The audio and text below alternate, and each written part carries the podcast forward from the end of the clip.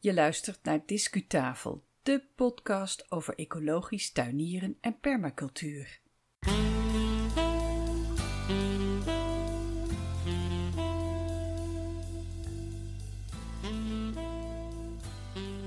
Welkom bij de Discutafel podcast. Fijn dat je weer luistert.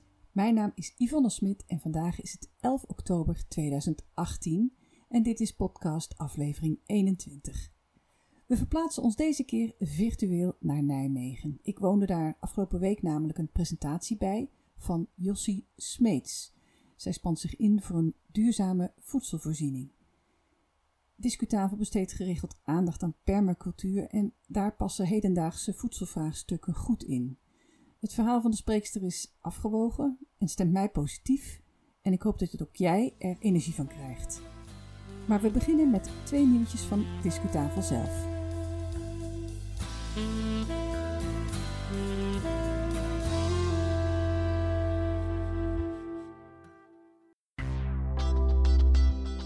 Discu Journaal. Twee nieuwsberichten van de Discutafel podcast redactie. Als eerste. Vanaf 4 oktober 2018 kunnen onze internationale luisteraars genieten van Engelse podcastafleveringen over milieuvriendelijk tuinieren en permacultuur van Discutafel. Zoals je weet verschijnt de Nederlandse versie om de week op donderdag in jouw podcast-app. Nou, we verwachten die Engelse afleveringen op onregelmatige basis uit te brengen. De onderwerpen hebben we doorgaans alles in een Nederlandse aflevering behandeld. Waarom nou in het Engels? Nou, het onderwerp natuurvriendelijk tuinieren en permacultuur is natuurlijk grenzeloos, maar ons taalgebied is klein. En sinds de start van de podcast neemt het aantal downloads en streamings vanuit het buitenland toe. Uh, in contacten met vooral met Britten werd toch wel duidelijk dat de Nederlandse taal een hindernis vormde. Ze waren nieuwsgierig, maar ze konden ons niet altijd goed verstaan. Tegelijkertijd willen wij heel graag jou blijven inspireren, dus wees gerust, ons vlaggenschip, de Discutafel podcast, blijft in de basis Nederlands. Ik heb even overwogen om een apart kanaal te maken voor de Engelse afleveringen, maar dat wordt relatief duur. Dus de Engelstalige afleveringen die verschijnen op hetzelfde kanaal als de Nederlandse. En de website die heeft uh, uitbreiding gekregen van een aantal Engelstalige pagina's. Dan het tweede nieuwtje. Als echte fan van de Veg Grower podcast ben ik blij met onze verschijning in deze Britse show. Gastheer Richard heeft een interview met mij in zijn aflevering van 8 oktober. In dit gesprek geeft Richard mij vriendelijk de ruimte om me voor te stellen als podcaster, als tuinier, als persoon. En we spreken over de essentie van permacultuur en ecovriendelijk tuinieren. Ik ben bang dat ik wel verantwoordelijk ben voor de lengte van die aflevering, want dat is na zijn zeggen de langste show, show ooit van de Veg Grower podcast. Ik luister graag naar Richard. Een gesprek met hem is ook een genoegen. Richard is en blijft lekker zichzelf, net als in zijn podcast. Ik moet zeggen dat ik veel van hem leer, ook van de manier waarop hij zijn podcast brengt. En met het volgen van hem in zijn podcast volg je ook een beetje een stukje van zijn leven, misschien meer dan jij nu zal ervaren bij Discutafel. Zijn aanpak van moestuinieren is nuchter, praktisch, gericht ook op duurzaamheid en dat herken ik natuurlijk. Er is genoeg om met elkaar over van gedachten te wisselen. Hij heeft echter helemaal niets met planten die je niet kunt eten. Hij is een pure moestuinierder, maar dat is prima. Ga naar de show note voor een link naar de uitzending van de Veg Grower podcast. Discu-kennis. Het was 6 eh, oktober 2018 en ik was op de IVN-ledendag in Nijmegen. Het IVN staat voor de Vereniging voor Natuureducatie. En dat is een landelijke club met misschien ook wel een afdeling bij jou in de buurt. Het werd een heel inspirerende dag. Heel goede sprekers over onderwerpen waar menig natuurgids zich van oudsher eigenlijk niet zo mee bezighoudt. Maar de wereld is wel behoorlijk veranderd ook sinds ik zelf tot natuurgids werd opgeleid. En ik hoorde op die ledendag bij deze natuurvereniging nogal wat zienswijzen die toch wel getuigen van, van al die veranderingen die hebben plaatsgevonden in de afgelopen decennia als het gaat om hoe wij denken over, over de wereld. En die, die, die, die zienswijzen die ik hoorde, die stroken wonderwel met de uitgangspunten van permacultuur. En die zijn, nog even repeterend, uh, zorg voor de aarde, zorg voor de mens, en deel de overvloed. Nou, die filosofie die gaat toch wat verder dan trekvogelstellen of paddenstoelen op naam brengen. En ik vind het prima. In deze podcast laat ik jou fragmenten horen uit de bijdrage van Jossie Smeets op deze IVN-ledendag. En ik moet je eerlijk bekennen dat ik nog niet eerder van deze vrouw had gehoord, maar ik ben erg onder de indruk van haar bijdrage. Smeets was directeur van de Youth Food Movement. Ze was lid van de Commissie Duurzame Veehouderij en zij richtte de Food Hub op. Haar betoog van 6 oktober was goed opgebouwd en van begin tot einde ook goed gebracht. Ze hield de zaal in haar ban. Ik vond het moeilijk om stukjes weg te laten uit de opnames, dus reken op een kwartiertje, want het is gewoon hartstikke goed. En daar waar we een stukje overslaan, dan kom ik even bij je terug om de verbinding te leggen. Halverwege krijg je even de tijd om over het een en ander na te denken tijdens een korte muzikale onderbreking. Ik hoop dat, jij het, net als ik, de moeite waard vindt om naar Jossie Smeets te luisteren. Veel plezier alvast.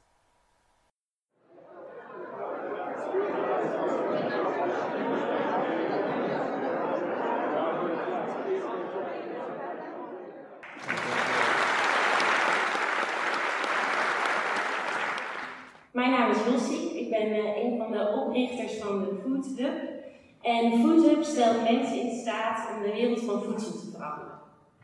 Met onze lesproducten en onderwijsprogramma's zorgen we voor voedselketenkennis en persoonlijk contact tussen de schakels in de voedselketens. Maar vandaag, hier in mijn geboortestad Nijmegen, de European Green Capital van 2018, wil ik u graag een klein, groot verhaal over voedsel vertellen. Wat geweldig dat het IVN op deze ledendag kiest voor een spreker die zich bezighoudt met voedselvraagstukken. Ik ben zelf al tientallen jaren lid van het IVN, van die Vereniging voor Natuureducatie dus. En veel van die jaren was ik ook behoorlijk actief.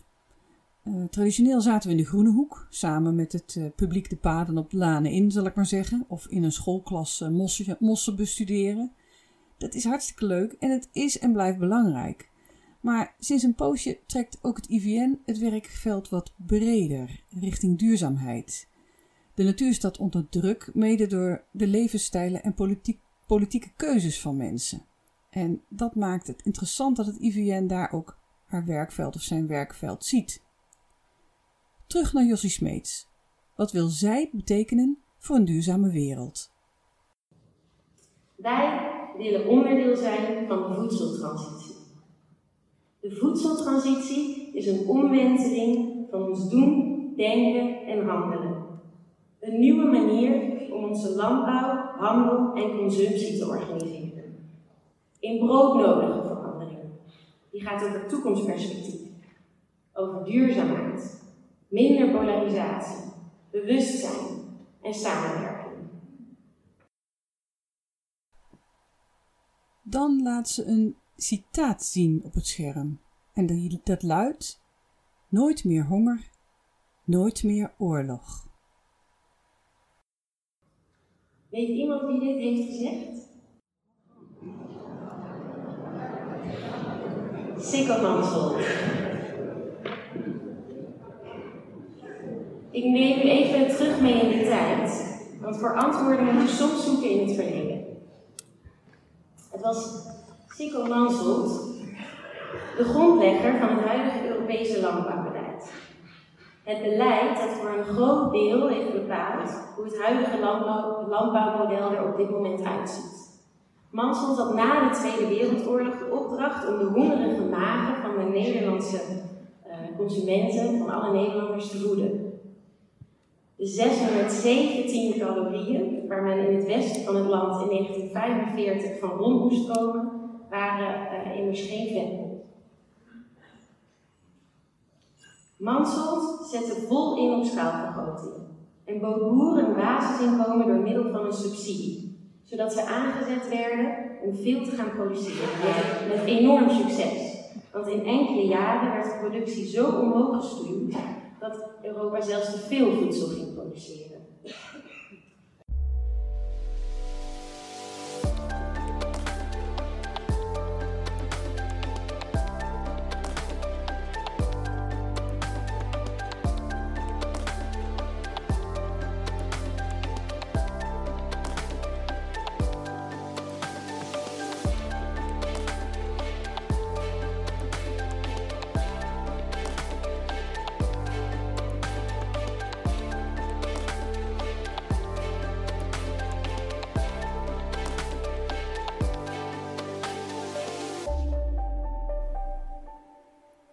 Na haar schets van die uh, grote landbouwtransitie van uh, kort na de Tweede Wereldoorlog zoomt Jossie Smeets in op de huidige betekenis van voedsel in ons dagelijks leven en de betekenis van voedsel voor het broeikaseffect. Een voedseltransitie waar je u tegen zegt. Dit beeld veranderde in nog geen honderd jaar tijd naar dit beeld. De modernisering van de Europese landbouw na de Tweede Wereldoorlog en de daaropvolgende mondialisering heeft de relatie tussen stad en platteland compleet veranderd. Voedselketens zijn vandaag de dag langer en complexer dan ooit. En dat is een landbouw waar wij als Nederland heel trots op zijn. Maar ook het agrarisch landschap van vandaag is aan het veranderen. Waar vroeger voornamelijk kleine familiebedrijven het agrarisch eh, landschap in Nederland kleurden, bestaat inmiddels het overgrote deel, 80%, uit gespecialiseerde, middelgrote tot grote boerenbedrijven. In de twee uiteinden van het model, ik zit een heel klein stukje op het scherm, uh, zitten uh, de nicheboeren aan de ene kant en de hele grote boerenbedrijven aan de andere kant. De nicheboeren, dat zijn de biologische, biodynamische boeren, of uh, de boeren die dat ene bijzondere kaasje produceren. En de hele grote boeren, dat zijn bedrijven die kunnen concurreren op de wereldmarkt. Zij produceren bijvoorbeeld de melkpoeder voor China. Samen vertegenwoordigen zij 20% eh, van ons boerenlandschap. En anno 2018 doen zij het heel goed. Het overgrote deel, 80% van de middelgrote bedrijven, die hebben het heel moeilijk. Deze grote groep valt namelijk tussen wal en schip. Ze kunnen niet mee concurreren op de wereldmarkt, maar ze kunnen ook niet omschakelen naar de, naar de niche-markt, want die is op een gegeven moment ook verzadigd. Ze vormen gezamenlijk de grootste boerengemeenschap van Nederland. En het is broodnodig dat wij gaan nadenken over hun toekomst. Eén deel heeft simpelweg geen toekomst. Zij vinden geen bedrijfsopvolger en zullen op een gegeven moment moeten stoppen vanwege ouderdom. Maar een deel van deze bedrijven is net overgenomen of staat op het punt om een boerendochter of zoon met een enorme schuld op te zadelen. De volgende in een hele lange lijn van bedrijfsopvolgers. Op dit moment leren zij nog altijd op de landbouwhogeschool dat schaalvergroting de enige weg vooruit is. En dat moet anders. Zij moeten echt op zoek naar nieuwe verdienmodellen, anders is er voor hun geen toekomstperspectief. Waar het Europese landbouwbeleid ooit voor boeren was, lijkt het niet meer te passen bij de uitdagingen van onze tijd.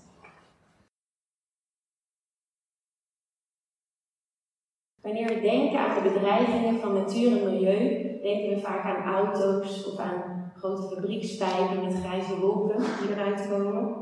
En we denken niet aan ons bord met eten.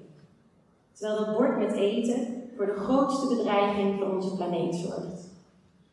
Landbouw is een van de grootste aanjagers van het broeikaseffect en zorgt voor meer CO2-uitstoot dan al onze auto's, vrachtwagens, treinen en vliegtuigen bij elkaar.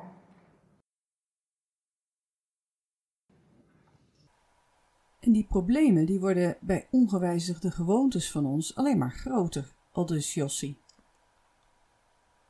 De wereldbevolking groeit namelijk naar 9, misschien wel 10 miljard mensen in 2050. En naar verwachting woont twee derde daarvan in steden. En mensen in steden willen meer vlees, meer eieren en meer zuivel. Hoe gaan we deze groeiende stedelijke bevolking voeden wanneer de druk op onze planeet al groter is dan dat zij aankomen? Een hevig debat over hoe de wereldwijde voedselproblematiek moet worden aangepakt. En dat debat is zwaar gepolariseerd.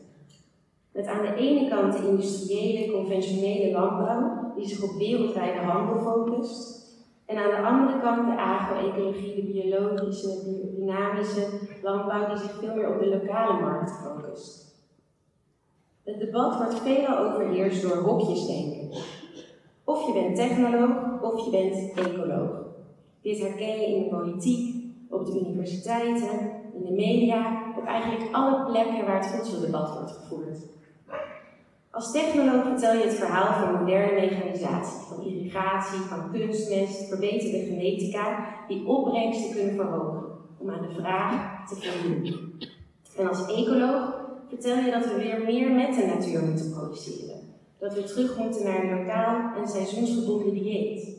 En dat de kleine boeren in de wereld hun opbrengsten kunnen verhogen door natuurlijke technieken aan te nemen die de vruchtbaarheid verbeteren. En zowel de technoloog als de ecoloog heeft een punt. Maar beide staan lijnrecht tegenover elkaar en dat verlangt een constructief debat. Beide benaderingen bieden namelijk hardnodige oplossingen en uh, geen van beide brengt ons daar. We zouden er heel goed aan doen om al die goede ideeën uh, van biologische en lokale boerderijen of juist high-tech en conventionele boerderijen te onderzoeken en het beste van beide te combineren. We moeten echt weg van dat hokjesdenken, weg van die polarisatie. En dan spreekt zij de mensen in de zaal aan, bijna persoonlijk. Voedsel vertelt het verhaal over menselijk leven en het ligt heel dicht bij ons hart. Je bent wat je eet. Maar ik wil u eigenlijk vragen: eet u wel wat u wilt zijn? Weet u wat er gebeurt tussen uw mond en helemaal aan het andere eind van de keten de grond. De gemiddelde maaltijd op een bord in de Nederlandse stad reist 3000 kilometer. Van grond tot mond. En dat komt niet alleen maar door de wereldhandel in primaire producten zoals cacao of koffie of graan. Het komt juist ook door de halffabrikaten uh, en de verwerkte voedselindustrie. De gemiddelde diepvries, uh, de ingrediënten op een gemiddelde diepvriespizza kunnen zo uit 10 landen afkomstig zijn. Nogmaals dus de vraag: eet u wat u wilt zijn? Hoe verenigt u uw idealen op het bord dat er vanavond of vanmiddag al voor uw neus staat? Voedsel is een heel krachtig instrument om aan duurzaamheid in de brede zin van het woord te werken. Het gaat enerzijds over de meest complexe vraagstukken van onze tijd, en tegelijkertijd is er niets dat zo dichtbij komt. Stoppen het letterlijk in ons lichaam. Onze zintuigen en darmen doen de rest. Dit maakt voedsel uniek. Het verenigt het grote en het kleine. Ik pleit voor een transitie in ons voedselsysteem. Want alleen een systeem kun je niet aanspreken, maar mensen wel. En alleen mensen kunnen een systeem veranderen, maar nooit alleen.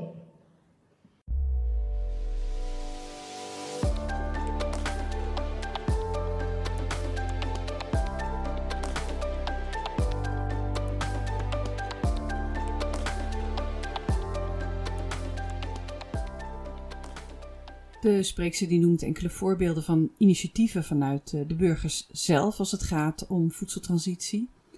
En daarna nodigt ze de mensen in de zaal uit om hun eigen, op hun eigen manier uh, te bedenken en te doen wat zij eigenlijk kunnen doen om in deze voedseltransitie echt een rol te gaan spelen.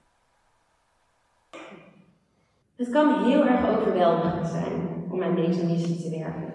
En de toekomst is alles behalve eenduidig. Laat het grote kleine verhaal van voedsel niet verlangen. Maar laat het u juist overhalen om u te blijven inzetten voor de broodnodige verandering. Die gaat over toekomstperspectief, over duurzaamheid, over minder polarisatie, over meer bewustzijn en veel meer samenwerking. Ik nodig u vanochtend hier in Nijmegen allemaal uit om mee te produceren aan het voedselsysteem van morgen. Dank u wel.